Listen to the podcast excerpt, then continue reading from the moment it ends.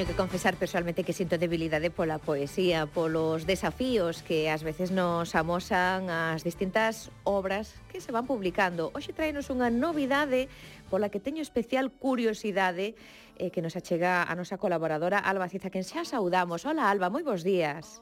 Ola, Isa, moi bo día. Premio do Certame Literario do Concello de Vilalba, obra inacabada de Dosinda Christensen de Xerardo Quintiá e que está editada por Alvarellos, unha obra creo que de grande interese. A ver, por onde comezamos para poder ir pouco a pouco eh, desfiando os contidos pois, e argumentos?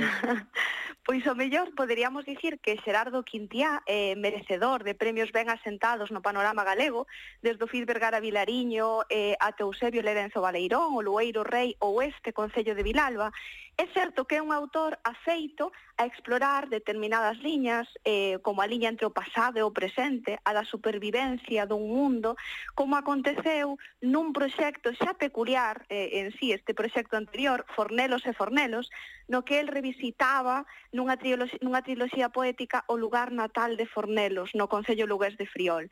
Con todo, eh, Isa tamén deberíamos dicir que é un autor con experiencia na modulación do seu propio discurso e con moita experiencia na ampliación do poético, polo que non me parece extraño que afronte aquí unha viaxe case cara a outra biografía, non? Ou cara a outra escrita. Bueno, hai que dicir que eu estive buscando información de Xerardo e tengo unha profesión que non ten que ver co, co ámbito da, da poesía, pero que lle tira moito isto da poesía, que digamos que aí habería xa unha dualidade dentro da mesma persoa, pero o que nos referimos con esta vo voz, non, a de Dosinda Christensen, sí. anula a voz do autor. Estamos ante o que chama a heterónima. Como funciona claro, aquí neste claro. neste poemario? Hmm. Quintiá opta aquí por coller eh, unha voz femenina e interpoñela, non? Entón, dende o primeiro poema confirma, confirma nos esta escolla, leo, ser heterónima é nacer no estado previo ao poema, na derivación. Isto é o que di esta voz. E a vez tamén fai visibles as costuras deste procedimento literario, porque en algún punto eh, a mesma voz vai nos dicir e dende esa enunciación, dende esa atalaya, dende ese punto aleatorio, serme suxerida unha existencia na cal houbo lavandeiras, carricantas, pasantías, pasadoiros, Entón, arredor desta do Sindacristensen vemos como se vai configurando un mundo É certo que desde unha concepción actual da heteronimia, eh, a heteronimia é unha especie de desdobramento do autor, non? O autor crea unha identidade diferenciada non só nos seus trazos biográficos e ideolóxicos, uh -huh. senón tamén nos literarios, nos estéticos. Eh, é algo que permite, como demostrou moi ben Fernando Pessoa, explorar unha poética distinta, explorar un estilo distinto, ás veces mesmo acabar trazando unha biografía específica, non? Wow, Para esa persona. Difícil difícil, eh? Cousa difícil.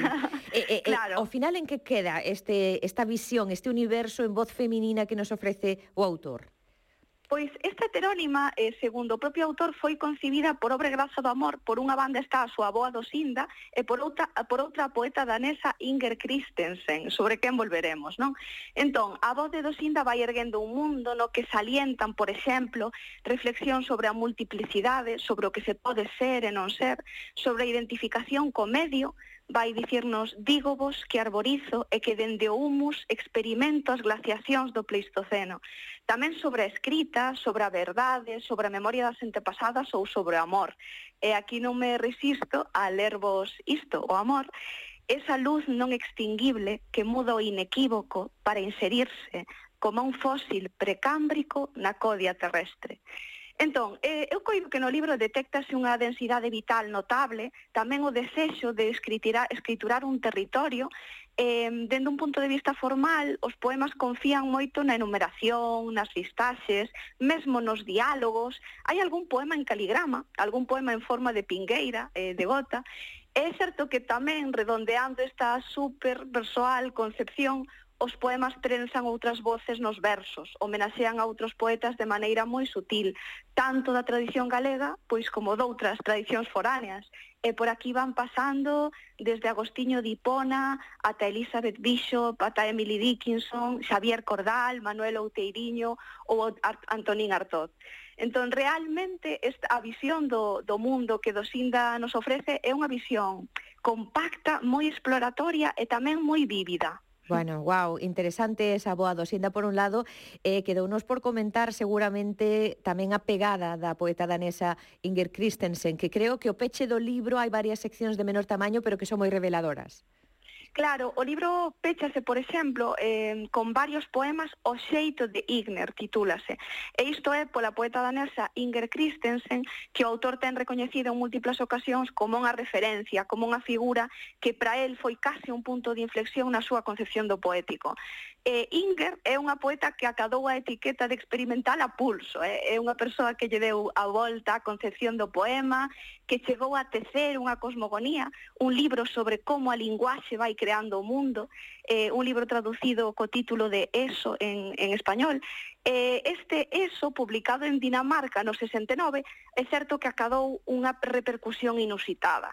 Entón, temos poemas O xeito de Inger Christensen, temos un posfacio decididamente conclusivo que é capaz de revisar o valor eh, que Quintiá lle dá a este xogo co heterónima, non? a este xogo cunha figura interposta, e acabar instituindo que esa figura non é un sentido, senón que é, e tamén vos leo, unha polifonía de voces ou fluorescencias, tamén unha imantación do efémero coas lembranzas, en certo xeito, unha eu nos topía, con madeixas para a eternidade.